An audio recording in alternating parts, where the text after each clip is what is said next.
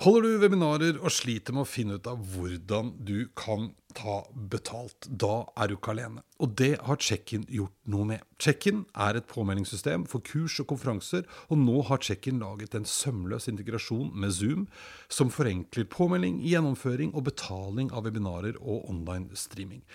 Sjekk ut checkin.no slash 30 minutter for å finne ut hvordan du kan tjene penger på dine webinarer med Check-in.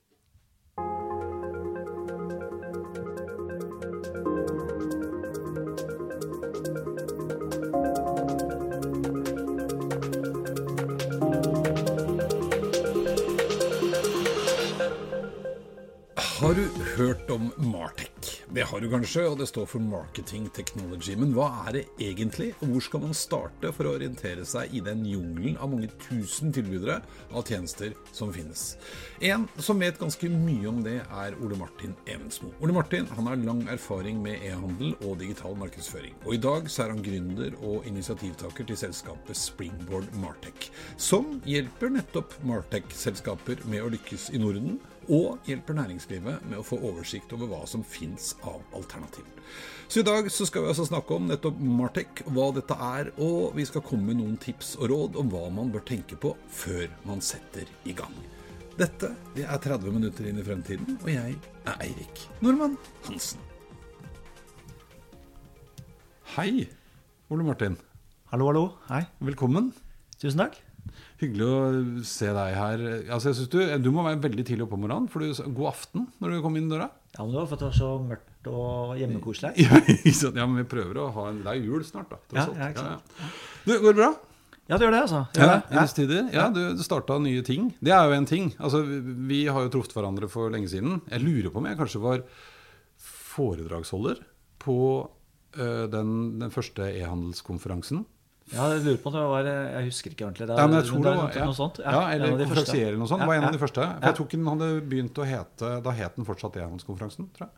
Ja, Next het eh, Next. Ja, men, nei, ja. mm. Spiller ingen rolle. Men eh, nå eh, er vi jo blitt eh, slags partners in crime. Jeg har fått være med på det nyeste initiativet ditt. Springboard Martech. Ja. Skal snakke litt mer om det etterpå. Men, men Martech, eller Marketing Technology, det er det vi skal snakke om i dag. For det kan du jo tross alt en del om. Uh, ja, men, men før det, hva, fortell litt kort hva du drevet med siste åra. Ja, ikke sant? Mm. Uh, jeg, jobbet jo med netthandel i syv, åtte, ni år. Ja. Uh, først i de flere nettbutikker, hos Komplett og Elkjøp og noen svenske nettbutikker. Og så startet jeg det som heter ehandel.com.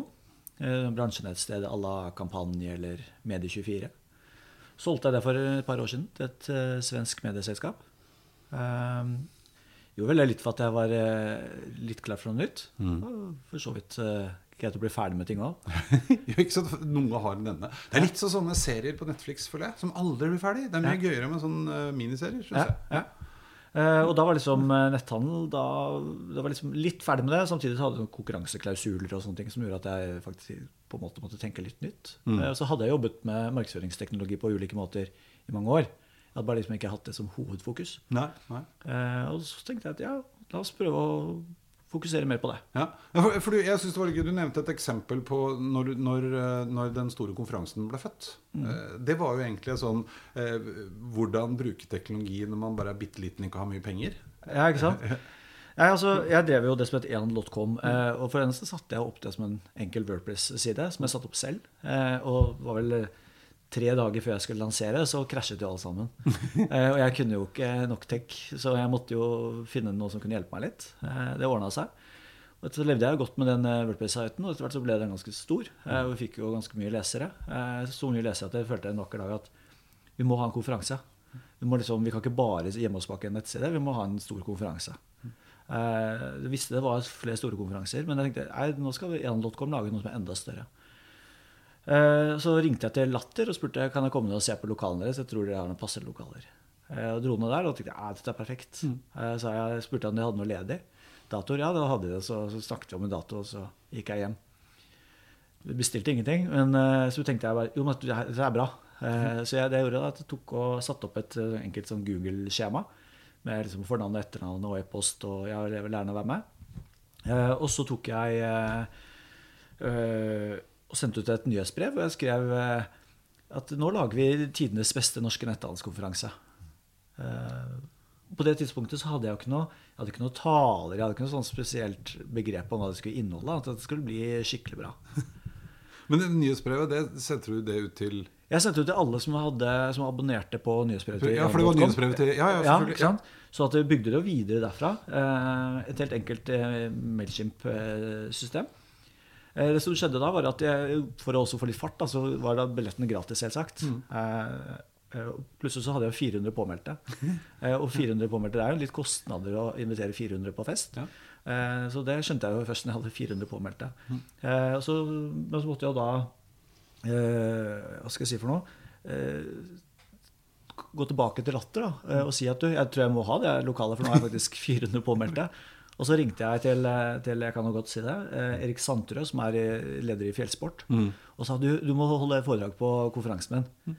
Eh, og han bare sa med en gang det skulle jeg gjerne gjort, men eh, jeg kan ikke den datoen eh, som du har plukket ut. Filler'n. Å si. Den eneste taleren jeg skulle liksom bygge alt på. Han kunne Kunne ikke? Nei. nei. men det ordna seg. det ordna seg og, og satt med Excel-ark med, med alle påmeldingene og fikk sponsorer osv. Mm. Eh, og for meg var det litt sånn For ellers var det så gøy som gründer å få til noe folk ville komme. da. Mm. men det var også det at på en bare ved å bruke Mailchimp, bruke enkel Google-skjema, eh, noe Excel-ark, så klarte du faktisk å håndtere ganske mye. Satt og la ting inn i TrippelTex for å fakturere. Det var liksom, alt var supermanuelt.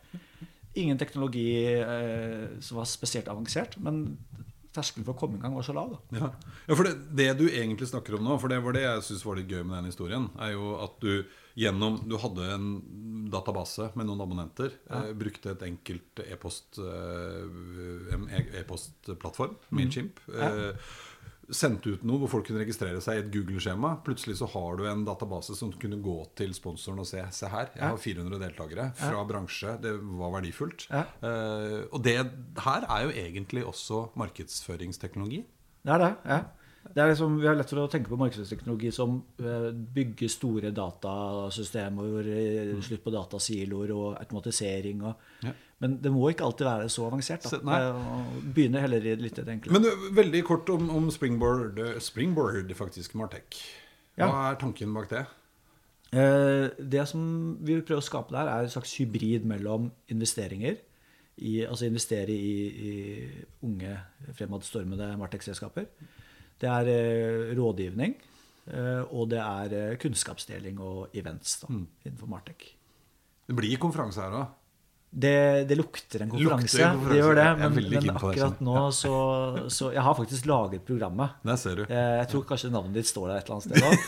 Men, ja, men jeg. har laget den. Men den er ikke, har ikke kommet noe lenger enn i Excel-arket mitt. Fordi jeg må bare bli kvitt et eh, lite virus. Ja, ja, ja, en liten pandemi. Men Ja. det har vi lært oss. Det går an å gjøre mye gøy digitalt. Ja. Men det var også litt for å understreke at uh, så ikke det er noe tvil om det. Jeg er da altså med på eiersiden uh, i Springboard Martech. Men det jeg har lyst til å snakke om i dag, var jo nettopp det begrepet Martech. For det, altså marketing technology, uh, dukka opp for noen år siden. Ikke så himla gammelt.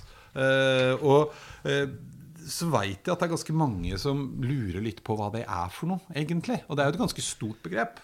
Kan ikke du gi oss et lite krasjkurs i Martech? Det er, ja, det er et kjempestort begrep. Ja. Og det er jo, altså det er jo markedsføringsteknologi. eh, Og som jeg pleier å si, at det er, liksom, det er teknologi som gjør at du kan jobbe med, eh, med salg og markedsføring på en effektiv og moderne måte. Mm. og det, det spenner fra alt fra annonseringsteknologi til, til leads-genereringsverktøy. Så, eh, så det jeg tenker er at man for å gi et lite krasjkurs, så på en måte kan kanskje se for oss at det er ja, Hvor mange selskaper det er internasjonalt, det er umulig å si. Det er tusenvis av dem. Eh, men du kan på en måte dele dem inn i seks eh, bolker. Eh, og den, det første er altså alt av verktøy som gjør det mulig å jobbe med effektiv annonsering. Ja. Det er gjerne det vi kaller adtech. Og det kan vel liksom være bannerannonsering, annonsering i sosiale medier, søkeordsannonsering. Eh, det kan være annonsering i butikk. Eh, så det er liksom annonseringsbiten. Eh, og så er det det som er verktøy for å lage godt innhold. Og det kan være liksom alt fra å lage video, redigere bilder, redigere tekst, mm. kanskje sette opp en nettside. Og så er det det tredje området går på, på det å forbedre kundedialogen. Mm. og det er type chatbots, kundeservicesystemer. Et område som kanskje ikke jeg personlig har jobbet så mye med, men jeg merker det veldig når man er ute og handler, at eh, Det kommer. at det kommer. Ja. Ja. ja. Eh, og så er det det fjerde området, som er kanskje der jeg personlig har jobbet mest, og det er faktisk salg på internett. da. Eh, og det kan være først og fremst kanskje netthandelsplattformer, altså selve teknologien bak nettbutikkene. Men det kan også være f.eks. salg av billetter. Eh, og så har vi verktøy for å analysere eh, store datamengder. Samle og analysere dem. Eh, og så er det Og det kan være liksom alt fra webanalyse til, til analyse av hvordan folk beveger seg inn i butikken. Vil kanskje, noen vil kanskje gjøre det langt unna Martek, men som ofte så pleier man å trekke inn det som en del av. Martex-begrepet. Eh, og det siste er litt mer sånn managementverktøy. Og det kan være alt fra, fra leads-generering, eh, systemer for å samle eh, kundetilfredshets-scores og den typen løsninger. Og litt PR-verktøy og, og så videre. Mm, mm. Ja, for det, det er jo mange eh, For jeg husker du lager jo sånne flotte oversikter. Mm. Og nå har vel vi, vi faktisk, vi har jo det, eh, fokus på veldig sånn nordiske aktører først og fremst. Ja. Og det fins jo en haug av de. Ja. Men det er ganske mange kategorier inni der som jeg aldri har tenkt på før òg. Eh, altså, her er liksom de seks store, da, men sånn som du sa, verktøyene for å produsere innhold er jo en del av dette. Eh, definitivt. Eh, det er vel litt sånn at mange ofte eh, tenker på særlig analyseplattformene og sånn. Liksom, og og annonseplattformene. Det er liksom Martech. Men det er mye mer enn det òg. Ja, og, og det tror jeg at eh, altså, Hvis du snakker med folk som jobber, i, altså, som jobber mye med annonsering, så er det sånn Martech er det, For dem er det det samme som Adtech. Som er liksom, mens, mens for folk som jobber med kundeservice, jeg tror ikke de har noe forhold til begrepet uh, Martech engang. Altså, de, de jobber med kundeservice og forbedrer den.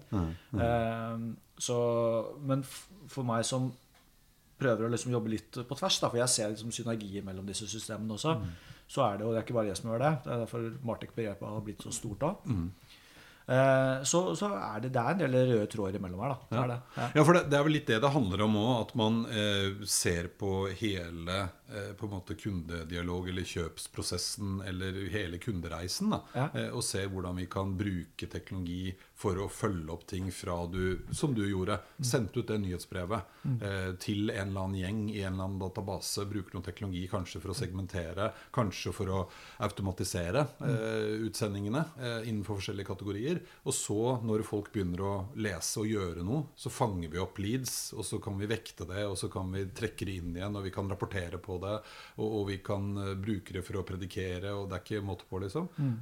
det er til- slutt et ganske stort område. Det er et stort område. Og jeg tenker at eh, vi var ofte lett for å prate om altså det, altså Martin kan brukes for å skape vanvittig bra kundeopplevelser. Hvis det ikke fungerer, så kan det bli vanvittig dårlige kundeopplevelser. Eh, men det er jo, også, det er jo mange av de verktøyene som er like vel, velegnet for å effektivisere eh, internt, f.eks. Ha gode kundeservicesystemer. Gjør at du, du holder orden på kundene. Kjempefint for kundene, men det er også veldig bra for bedriften. Så Men, det- jo, men hvis vi tar et sånt område som det, for der tipper jeg på at veldig mange de henger seg opp i den chatboten. Ja. Eh, mens det er jo mye mer enn det. For det kan også være når jeg går inn og registrerer en, eh, en forespørsel eh, på support, f.eks. Ja. Og så får jeg noe, da skjer det noe greier. Det er et slags system som tar imot ruter til riktig person og sånn. Hvilke andre kategori, eller hva heter det for noen, plattformer, tjenester, muligheter finnes det innenfor for den kundeservice-biten. da. Uh, altså, altså Kundeservicesystemene er jo på mange måter ganske like. Nå er ikke kundeservice mitt eh, Nei, spesialområde, Nei. men, men altså, men kundeservicesystemene er jo i seg selv altså det er på at Du skal ta imot hendelser på e-post, du har noen hendelser fra sosiale medier, mm. du har eh, chatboter osv. Men det er klart at det virkelig spennende er jo på en når du tar den informasjonen og så prøver, altså du prøver å bygge det man kaller CDP-er, altså det er kundedataplattformer, hvor du samler all data fra, fra, fra den direkte kundedialogen de har f.eks. via kundeservice, med atferd, hvordan kundene uh, trykker rundt på nett, hva de søker på, hva de kjøper på nett, hva de kjøper i butikk osv. Eh, og da er det på en måte det enkle kundeserviceprogrammet plutselig blitt en uh, et eh, ganske avansert system. Da. Og da er liksom Så det, det viser kanskje litt av spennet her. Du tror du bare velger et lite system, og det har folk gjort f.eks. på kundeservice. Ja. Og plutselig så sitter du i store diskusjoner som jeg nå tror at 2021 er liksom kundedataplattformåret. Ja. Hvor folk skal sy sammen systemene sine. Ja. Eh, Og da krever det en helt annen kompetanse og kanskje større investeringer. og... Ja, for det, det var litt av det her som var poenget mitt. For vi har jo snakka om nå i mange mange år at vi skal bryte ned alle disse siloene. ikke sant? Og, og, og så klarer vi ikke det, for det er en mye større og tøffere jobb enn mange tror. tror jeg. Eh, Men, men nettopp det at én ting er å spørre en kunde som har kjøpt noe, eh, om å gi en sånn score. Å, hurra, det var kjempefint, jeg fikk til å kjøpe, jeg fikk varen, og alle er glad. Eh, En annen ting er den feedbacken man får gjennom sånne kundeserviceapparater, f.eks. Og det å da kunne begynne å samle disse dataene, strukturere dem på en god måte for å danne seg et mye mye tydeligere bilde av hvordan kundene våre faktisk opplever oss, eh, tror jeg også kommer til å bli nå fremover. Eh, For det har jo vært et voldsomt hopp i netthandel eh, nå i år, av naturlige årsaker. Tror du det kommer til å fortsette? Ja, jeg, jeg tror det, altså. Ja. Jeg tror at det bare vil Det vil ikke gå tilbake, men det er klart at vil, den økningen vi har hatt i år, har vært helt ekstrem. Ja. Eh, og det vil, jeg tror det bare vil fortsette på toppen av det. Men altså, så vi har hatt eh, 15% vekst i mange år nå, og så har vi plutselig fått 30-40% i år. Ja. Så kan det godt hende det bare blir 15% neste år. Neste, ja, ja, at den men, men litt ut eh, igjen. ja, det kan hende. Ja, Men, jeg eh, jeg snakka med, med øh, hva heter han, Ole Petter fra Opinion her for litt siden, og de ser jo veldig tydelige trender på det. At helt nye brukergrupper som ikke i utgangspunktet var klar for netthandel, har hoppa i det. Og de oppdager at jøss, dette var smart, så de blir der. Uh, og det kommer jo til å bety mye for dette her også. Men, men litt tilbake igjen til, Du nevnte det så vidt det var i stad, men hvor mange Martech-selskaper fins det, tror du? Eh, Altså, in, altså Hvis du ser litt på det globale markedet, så er det om jeg sier 10 000, så er det garantert for lite. Ja, ja. Eh, det er masse underlige selskaper som bitte små, og det Mm. er noen giganter. Eh, hvis du ser på Norden, mm. så pleier jeg altså, anslå ca. 400. Mm. Har, gjennom Springboard så har vi bygd et et slags trackingverktøy hvor vi har 369 selskaper nå, tror jeg. Mm, Men jeg vet at det fortsatt mangler noen. Ikke så mange, tror jeg, men ca. 400 selskaper. Og av dem er ca. rundt 100 norske. 100, ja, ok, det er såpass mange. Er det, noe, det noen sånne kategorier? Er vi på alle de seks kategoriene du sa i Norden, eller er det noen som skiller seg ut på nordiske selskaper? Nei, eh, det er egentlig I Norden så dekker vi stort sett alt. Stort Da. alle, Men, ja. men der ser jo det at det, det er jo litt forskjell fra land til land. Mm. F.eks. I, Norge så har vi jo eh, vi har Meltwater, sant, som har laget et fantastisk PR-verktøy. Men det er også andre eh, Du har Brandmaster, du har Photoware, som jobber med mot bildebanker. Og det, altså det henger kanskje litt Det blir på en måte en slags klynge der, da. Ja. Eh, på samme måte som du har litt andre klynger i de andre landene. Ja, Ja, svenskene for eksempel, har eh, en god del netthandelsplattformer. Ja. Eh, Det er for så vidt noen i Norge òg, men de er ikke, helt, eh, ikke, ikke like store og avanserte. Er, det noen, er det noen nye kategorier som har kommet til nå de siste åra? Ja, det dukker jo opp eh, nye konsepter hele tiden. Eh, i, altså det er nødt å sted, altså Kundedataplattformer, eh, såkalte CDP-er. Eh, det er begynner å dukke opp noe nå. Hvor, Ja. eh, hvor det, som kanskje var en personaliseringsmotor, har plutselig skjønt at det må være litt mer enn det. Du må ta, få kontroll på hele eh, hva skal jeg si, kundereisen og hele Ja. dataflytten. Eh, Og da på en måte beveger seg fra for en, eh, eller fra personaliseringsmotor til å bli en CDP. Eller fra et CRM-system som går fra, til å bli en CDP. Så at det beveger seg litt videre. Mm. De fleste verktøyene legger jo på nye funksjoner. Eh, Men eh, CDP så er- det litt mer sånn holdt på å si nesten i infra, altså litt sånn underliggende system som du kan hente data fra forskjellige eh, kilder, eller er det én ting? Ja, Tanken er jo på en måte å, å plukke data fra, fra alle mulige kanaler på, på hver eneste kunde. Eh, For å så kunne bruke den etterpå. Mm. Det, er, kan være alt fra rapportering altså Nå har du GDPR, hvis folk ønsker å bli slettet, så kan det være en del fordeler med å samle all data et sted. Men også kunne bruke den ut da, i forhold til eh, både kanskje opplevelsen på nett, men også i, i målrettet annonsering. Ja, ja. Ja for det, det er jo noe med det at nå som vi eh, i denne GDPR Vi skal ikke snakke om GDPR, altså, for det, det, er, det er viktig, men det er ikke det vi skal snakke om nå. Men, men det der å ha kontroll på dataene sine, det ene er liksom det lovmessige, men det andre er jo rett og slett å, å strukturere de sånn at man kan bruke det til noe fornuftig. For det fins jo utrolig mange som har liksom data i hytt og pine, men de ender stort sett opp med å sende ut det samme nyhetsbrevet og samme tilbudene til røkla. liksom. Ja. Ja, og det, det, er jo så typisk altså, kanskje, altså, at folk gjør nå, kommer til å gjøre store investeringer fremover, f.eks. I, i å samle kundedataen bedre. Men, øh, og, det er vanskelig, og, og, du, og, du, kommer nok til å lykkes med det sånn teknisk sett. Men det, men det mest interessante er jo selvfølgelig å få tatt den dataen i bruk igjen. Mm. Og i store selskaper hvor, hvor uh, må du plutselig tenke annerledes rundt uh, nesten alt du gjør. da. Ja. så det er klart at det er der de store slaget egentlig står. står ja, ja. Men, men, hvis man skulle, vi, vi spoler litt tilbake igjen. Jeg synes jo Det eksempelet du begynte med, den gang da du skulle lage stor konferanse, så, så tok du på en måte i bruk noe teknologi. Jeg tror det er sånn ikke helt utypisk da, for mange som starter opp. Og Da tar man litt det man har for hånden, og det man kommer på, og så ender man ofte opp med litt sånn Man har ikke tenkt noe helhet. Man har ikke tenkt at som du sa, dette skal liksom samles opp i en eller annen strukturert database hvor jeg faktisk ser av alle de jeg sendte ut dette tilbudet eller nyhetsbrevet til om konferansen, så var det disse som responderte, og av de som gikk inn eh, på, på, annonsen. Av de som gjorde det, så var det disse som faktisk meldte seg på. Av de som faktisk meldte seg på, så var det disse som var der. ikke sant? Altså, ja. eh, hvis jeg skulle begynne et sted, hvis jeg er liksom bitte liten, har nå foreløpig litt gule lapper og et Excel-ark, eh, men har tenkt å ta et steg videre Eh, hvis vi skulle gi de noen råd, ja. hvor skal man begynne hen? Eh, jeg tenker at altså, Et godt sted å begynne er å ha en nettside mm. eh, som, som, ser helt ålreit ut. Mm. Eh, jeg tenker at det er, det er liksom hvis du er, jeg, jeg, vet ikke hvor mange bedrifter som har det, men det er fortsatt mange som har fryktelig dårlige nettsider. Ja, ja, ja. Eh, men, men det, er liksom, det er jo greit sted å begynne, og da det viktigste er bare at det funker. Mm. Eh, og jeg personlig bare liksom satt opp noe i Wordpress, mm. eh, og så syns det er et fint verktøy. Men det finnes jo andre systemer også for det. Mm. Eh, og så er det nettbutikk som du bruker den ene eller andre plattformen. Det spiller ikke egentlig så stor rolle, syns jeg. Eh, det viktigste er at du, du kommer i gang. Mm. Mm. Eh, og så får du heller ta det derfra. Mm.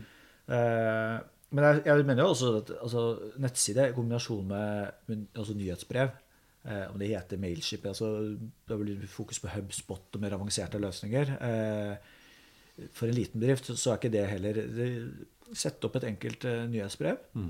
Eh, og så har jeg vært sans for liksom, verktøy som gjør at du eh, genererer altså, interessenter kaller det et slags eh, leads. Mm. Eh, sånn type pop-up med 'Hei, vil du melde deg på vårt nyhetsbrev?' Mm. Litt irriterende, mm. men det funker veldig bra. da. Mm. Så, så, den typen eh, Det er liksom, synes jeg, er en fin start. Og så det er jo litt avhengig av hva du jobber med, men altså, sosiale medier funker. Altså, jeg bruker jobber mye med B2B, da, altså ja. mot bedriftsmarkedet. og da får jeg er veldig mye ved å bruke tid på LinkedIn. Mm. Men det er jo avhengig av målgruppen din. Mm. Men igjen da, hvis du skal liksom prøve å, å, knytte dette litt sammen, da, mm. for det er kanskje noe man burde tenke gjennom eh, før du begynner å, å, å velge. Eh, F.eks. et sånn type nyhetsbrevplattform. De finnes det jo 40 stykker av. Og så er Mailchimp og nå kommer jeg ikke på noen andre i farta. Eh, fins det noen nordiske der? Ja, det finnes nordiske. Det kan ja. være alt fra Rule, svenske, mm. Loopify, norske. Eh, data, hva heter det? Dataplattform fra Danmark. Eh, ja. Dataplattform? Nei, marketingplattform. Unnskyld. Ja, ja, ja, de bytter akkurat navn. uh, de er, de er, det, det fins en god del av dem. Noen mer avanserte enn andre. Men hva er det man bør tenke på hvis du skal velge altså Nå er jeg på sånn nybegynnernivå. hvis jeg skal velge en plattform, hva er det noe jeg bør liksom tenke gjennom? Jeg tenker at uh, Hvis du er liksom helt nybegynner, så ville jeg tenkt en plattform hvor jeg rett og slett fikk sånn type 30 dagers prøvetid. Ja. Uh, ikke, det finnes noen selskaper, jeg trenger ikke nevne navn, men som gjerne ringer deg og får deg med på en toårs, treårs avtale. Mm. Det er dumt. Mm. Uh, det syns jeg virkelig er dumt. prøv heller noe som er hvor du kan få en kortere testperiode. Kanskje det er Mailchimp for eksempel, har jo mye av suksessen er at du, det er jo gratis, i hvert fall så opp til et visst nivå, antall kontakter. Ja. Eh, og så er det noe funksjonalitet som du også må betale for. Men, men for basic-brukere så, så, er det faktisk gratis ja. i, så, i, lang tid. Da. Ja, og det tenker jeg at eh, da høster du litt erfaringer. Og de fleste sender jo ikke ut så mange nyhetsbrev som de har tenkt. og det er ikke sikkert at eh, det er der du skal bruke alle pengene dine. Så, mm. så det å liksom lete eh, altså sånne testperioder og verktøy som har det, mm. eh, prate litt med andre hva de gjør for noe. Ja, for så tenkte jeg også på sånn Hvis du velger f.eks. Wordpress, da, som jo veldig mange gjør, eh, sjekke, tenke gjennom om det er noen eh, av disse systemene som skal snakke sammen. Ja. Det er ikke sikkert du skal gjøre det med en gang, men sånn etter hvert at det er lurt, så slipper man å begynne 14 dager etterpå med å måtte bytte ut hele plattformen fordi at eh, For det går vel også an å sjekke om de er på en måte kompatible med hverandre. Ja, ikke sant? Altså, nå har jeg jobbet, jeg, nå har jeg jobbet mye med, med netthandel, eksempel, og der vet du jo at eh, hvis du velger den netthandelsplattformen, så, så er den også ferdig integrert med, eh, med det, det og det e-postsystemet eller det og det regnskapssystemet. Så det er jo litt avhengig av hva du jobber med, men det kan være greit å gjøre litt research. da. Ja, ja. Eh, se på ferdigintegrasjoner eksempel, eksempelvis, og så plukke noen av dem. Ja, ja. Eh, men nok en gang, altså, hvis du er liten, ikke bind deg til lange avtaler. Nei. Nei, nei, og det er vel det lureste, kanskje beste trikset. Altså Ja. Velge noe eh, av de litt kjente plattformene, som er type sånn, heter det for noe, sånn abonnementsbaserte skytjenester. Ja, ja. Gjerne med litt eh, prøvetid. Ja, ja. Eh, er bra. For det fins jo, altså som du var inne på, jeg har lekt litt med Hubspot, og det er gøy, det. Eh, men det er også veldig avansert og veldig omfattende. Mm. Eh, men det har jo liksom CRM-system og nyhetsbrev og landingssider, og du kan lage hele nettstedet ditt der, Mm. og, og det er fint, for det er jo selvfølgelig du snakker jo sammen. Men, men det koster plutselig litt penger. Mm. Ja, ja. Eh, Det å begynne med en enkel Wordpress-site, kanskje velge Mailchimp, eh, ha en eller annen form for eh, Jeg har blitt veldig glad i Pipedrive, som er Ja. en sånn superenkelt eh, Jeg tror det er dansk, ja, opprinnelig eh, eh, CRM-system. Eh, som har veldig mye sånne enkle integrasjoner. Ja. For da kan du gjøre som du sa, når du sender ut det nyhetsbrevet, så kan du koble det til eh, Pipedrive. Sånn at når folk begynner å registrere seg, så havner det rett inn i CRM-systemet ditt. Og så er det veldig lett å følge opp eh, eh, kontakten etterpå. Da. Ja. Ja, det, jeg, jeg jobber jo eh, en del for et uh, selskap som heter Sandsyn, Mm. eh, som er et sånt tech-selskap. Og, og det vi har gjort der, er at vi har, vi brukt Pipedrive på, Mm. i forhold til salgsprosessen. Eh, og, og, og hadde jo kjempeambisjoner i forhold til hvordan vi skulle bruke det, men når Mm. alt kommer til alt, så så dyktige selgere de, de, de tar også mye på magefølelse Ja, ja, ja. Og, og følger opp eh, på gamlemåten. Mm, Eh, så det ligger jo alltid muligheter der som du kanskje ikke får utnyttet. Det, det ser jeg jo Mm. der. Eh, men vi får eh, eh, men, men selv om du liksom bare bruker toppen av isfjellet, Mm. så skaper det masse verdi. Eh, og så har vi et annet system som vi bruker der, som er finsk, tror jeg, som heter Leadfeeder. Mm. Som er et system for å trekke hvor, eh, altså hvilke bedrifter som har vært innom nettsiden din. Ja. Eh, og, og der altså, tenkte jeg da jeg signerte avtalen med dem, at dette skal vi bruke hele tiden. Og Mm. vi skal se på hvem som har vært innom, og så skal vi ringe dem umiddelbart. Mm. Etter hvert så skjønner du at eh, eh, det er ikke så lett å ringe til Equinor bare for det har vært noe fra Equinor i den nettsiden. Eh, sånn at Så systemet Du må liksom modnes litt med systemene, Stemmer, og da er du tilbake. Det, er, det er deilig å kunne superfornøyd med det, både Pipedrive og Leadfeeder eksempelvis, men, men det kan være det er ikke sikkert vi bruker helt sånn som jeg opprinnelig Hadde tenkt, nei. nei, for det husker jeg jo fra min tid og i, bak i store byråer, eh, hvor vi prøvde å være og var veldig bevisst på det. Eh, og etter, oppdaget jo akkurat det samme som det du forteller nå. ikke sant? Vi hadde, husker jeg ikke hva det selskapet het, men det er jo da rett og slett noe som gjør sånn der eh, Hva heter det for noe? Den slår opp bakover. eh, Fordi alle som er inne og besøker nettsiden sin, de fleste eh, har satt opp sånn at eh, IP-adressen er synlig.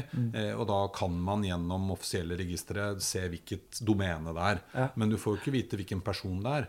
eh, Nødvendigvis. Eh, Og da blir det litt som du sier, da ringe til Equinor kan være litt vanskelig. Ja. Men, men det vi brukte det til, jeg bare kom på noe et tips, eh, når man har oversikt over sånne ting, det var at når vi hadde frokostseminar f.eks., så fikk jo jeg opp alle som hadde meldt seg på. Og en av de tingene jeg gjorde da, var å krysskoble det med For vi brukte også Pipedrive, og se om det var noe tilbud vi hadde ute fra noen kunder. Og hvis det kom en delegasjon fra en av de kundene som vi hadde tilbud ute hos, så var jo det typisk et litt godt tegn på at de var ganske interessert. Ja. Eh, og det å gjøre da kammen oppmerksom på, altså den som hadde ansvar, ansvaret for det tilbudet, at nå kommer det faktisk inn hjem fra de du har levert tilbud til. Hvis vi var ordentlig sofistikerte, så fikk jeg jo vite av de at jo, vet du hva, det her er noen som ønsker tilbud på sånn og sånn, og de er veldig opptatt av dette. Da kunne vi legge inn dette i eh, webinar, det webinarrøret, eh, frokostseminar, het det i gamle dager. Vi møtte opp eh, på ordentlig. ikke sant? Og så snakket vi om det, og så var vi med på en måte styrke vårt kandidatur. da. Eh, og det blir jo en sånn indirekte måte å bruke all denne innsikten på. Og det er vel det man gjerne kaller altså account-based marketing. er vel Ja, også blitt et ja. av disse ordene som har dukket opp nå i Ja. siste. Hvor du på en måte du tenker litt, jobber litt helhetlig. Ja. Du kan se på LinkedIn. Hvem er som følger bedriften på LinkedIn? Det kan også være et signal. Ja, ja, ja. Hvem kommer på frokostseminarene? Hvem er på nyhetsbrevet? Ja. Eh, og når du er liksom i alle kanaler, da er det vel på tide å, å, å ringe kunden. Ja, da er det lov. potensielle Ja, kundene ja. og, slå en prat. Ja, ja, ja, ja. Det er vel veldig gøy. Eh, Er det noen andre råd? Altså da Man velger eh, en eller annen eh, nettsideplattform, og så velger man kanskje en eller annen eh, nyhetsbrev-type plattform. Eh, noen andre ting man burde begynne å tenke på etter hvert? Altså, jeg tror at særlig i større bedrifter altså, er jo på en måte det å få med bedriften. Mm. Ikke sant? Det å, altså det, hvor mange ganger har man ikke på en måte implementert et verktøy, og så er det liksom han ene som er glad i det verktøyet. Eh, han sitter med det alene, og til slutt så slutter han, og, da er og så betaler du en periode for et eller annet, eh, en lisens. og så Det er litt trist at det blir sånn. altså Det å, å liksom prøve å eh, Det gjelder kanskje særlig større bedrifter. Eh, prate godt internt. Hva er det vi, hva er det vi savner for noe? Hva det liksom, hvordan kan hverdagen vår bli enklere? Hvordan kan livet til kundene bli bedre? Ja.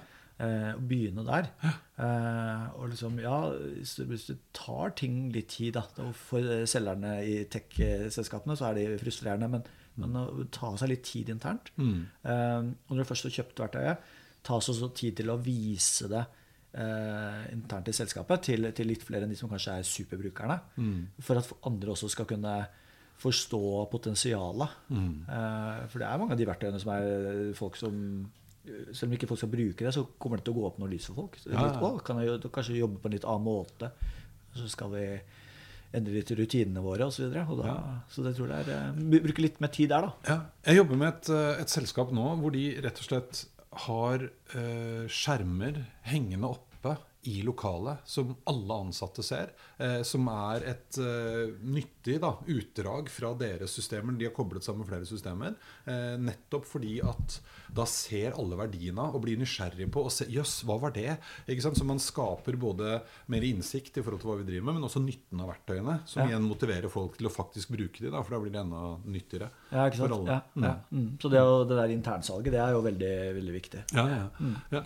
ja men Kult. Uh, nå begynner en halvtime, går jo fort. eh, så vi må begynne å oppsummere litt. Men altså, Martech, kjempestort område. Masse forskjellige plattformer. Eh, du nevnte de seks kategoriene. Det kunne vi repetert sånn veldig fort. Da. De har jeg jo til og med her nå. Eh, men alt som har liksom det som mange forbinder med å være adtech, altså annonseringsplattformene. Og Da er det alt fra Facebook-annonser og Google-annonser til de mer eh, holdt på å si sofistikerte, men eh, altså annonsenettverkene, om det er gjennom Skipsted eller hvem på Ja, det måtte være. ikke sant? Eh, så plattformer for å lage godt innhold. Alt fra videoproduksjon og bildeproduksjon og, og innholdsproduksjon eh, generelt sett. Eh, verktøy for å effektivisere og forbedre kundedialog. Og da handler det ikke bare om chatbots. Det var litt det jeg ville fram til i stad. For det, det ser vi, og så er det mange sånne chatboter som skal liksom være smarte, som ikke er så innmari smarte ennå. Men det er mer enn det. Eh, det er hele systemet man bruker for å ivareta eh, kundedialogen. Eh, hva mer var det vi hadde? Eh, verktøy som muliggjør salg eh, på internett. ja Plattformer for salg av produkter og billetter. Altså sånn type check-in og nettbutikker og, og den type ting. ikke sant? Ja. Og så analyseverktøy. Og her syns jeg jo det er litt viktig å trekke frem også at veldig mange av de andre plattformene man har valgt, har jo gjerne egne analysemoduler. eh, Ja, definitivt. Det er veldig mange som satser på det å få analysen inn i eget eh, Få litt Ja. kontroll på, på analysen selv. Altså, Ja. gi kunden de svarene man selv ønsker å, å formidle. Formidle, ja. Ja. Og de kan man også hente ut ofte hvis man ønsker å presentere det i et større bilde. Hvis man bruker liksom både Mailchimp og Wordpress og noe annet, så kan Ja. man faktisk hente data fra flere plasser, Ja. eh, som begynner å bli spennende. Eh, og det toucher litt inn på liksom det der management-verktøyet òg. For det, litt av, det tror jeg også er en viktig ting. At man sammen med ledelsen sin er enige om hvorfor vi bruker disse verktøyene, og hvilken nytte vi, hva jeg kan rapportere på. Og hjelpe de med å få innsikt i i forhold til både hva jeg skal levere som markedsfører, men også bedriftens mål for øvrig. Da. Ja. Tror du ikke det? Jo, jo, helt enig. Ja. Ja, men Det er bra. Da har vi gått gjennom alle de. Eh, Martek har kommet for å bli. Kommer stadig vekk nye ting. Eh, jeg har tusla litt med et eh, sånn eh, Tusla litt, faktisk. Eh, Britisk eh, selskap eh, som driver med referral marketing. Eh, det har liksom ikke tatt helt av i, Norge ennå, men det tror jeg kommer til å komme. Så det er en ting man må følge med litt på. Ja, det er Ja. typisk sånne små nisjetjenester som dukker Ja. opp, og så om alle kan leve for seg, eller om de må bli en del av et større, Større, selskap. Det, ja. det, det kan vi diskutere en annen gang, men Ja. Jeg tror det kommer. For jeg har sett han jeg kjenner i, England. Der har det liksom blitt England og Frankrike, en del av Europa, har det liksom blitt en sånn hygiene. Det har man. Ja. Eh, mens i Norge og Skandinavia liksom noen som det er litt mer i Sverige, det er selskapet det er Redeal, tror jeg det Ja. i Sverige, som, som jobber der eh, i det domenet. Eh, Jeg vet ikke hvor store de er. Jeg tror de begynner å få bra fart i Sverige, men, men i Norge er det fortsatt litt helt enig. Ja, og Det er jo noe sånne komplett og sånn som bruker det. For de som nå ikke skjønner hva jeg snakker om, så er det typisk sånn Du har handla hos Komplett jeg vet, Nei, ikke Komplett. Eh, Jeg vet at Kolonial hadde det. Hvis jeg hadde handla hos Kolonial, så fikk jeg på kvitteringen min en liten kode som jeg kunne gi til deg. Eh, Og hvis, jeg fikk, hvis du handlet basert på den koden, så fikk du 10% rabatt, og jeg fikk 10% rabatt på neste kjøp. Det er liksom referral marketing. Ja. Bruker nettverket sitt av, av eksisterende kunder. Så det skjer masse spennende innenfor det området. Det viktige er å tenke seg kanskje litt om før man kaster seg ut i noe, eh, hva man skal bruke det til. Men hvis vi skal heve blikket litt, da. Eh, Hvordan tror eh, Ole Martin at eh, 2030 ser ut? Hvordan er verden da? 2030, ja. Ja. ja. Ti år frem i tid. Um, når man tenker liksom på hvor mye som skjedde i 2020, så tenker jeg at eh, hvordan er det da i 2030? Ja. Eh, på den annen side så kan du si at ting tar ofte litt lengre tid enn man tror. da. Ja. Eh, men ti år, da må det skje mye. ja.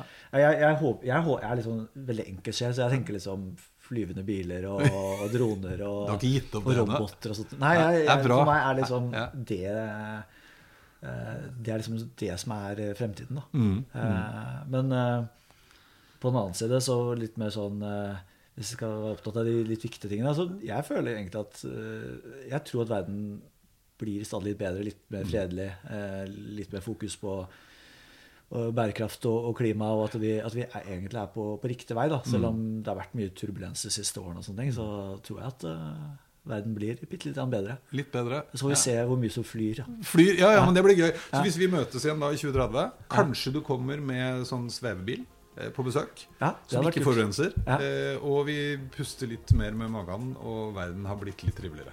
Absolutt. Kjempe, Det gleder jeg meg til. Ja. Takk skal du ha. I like måte.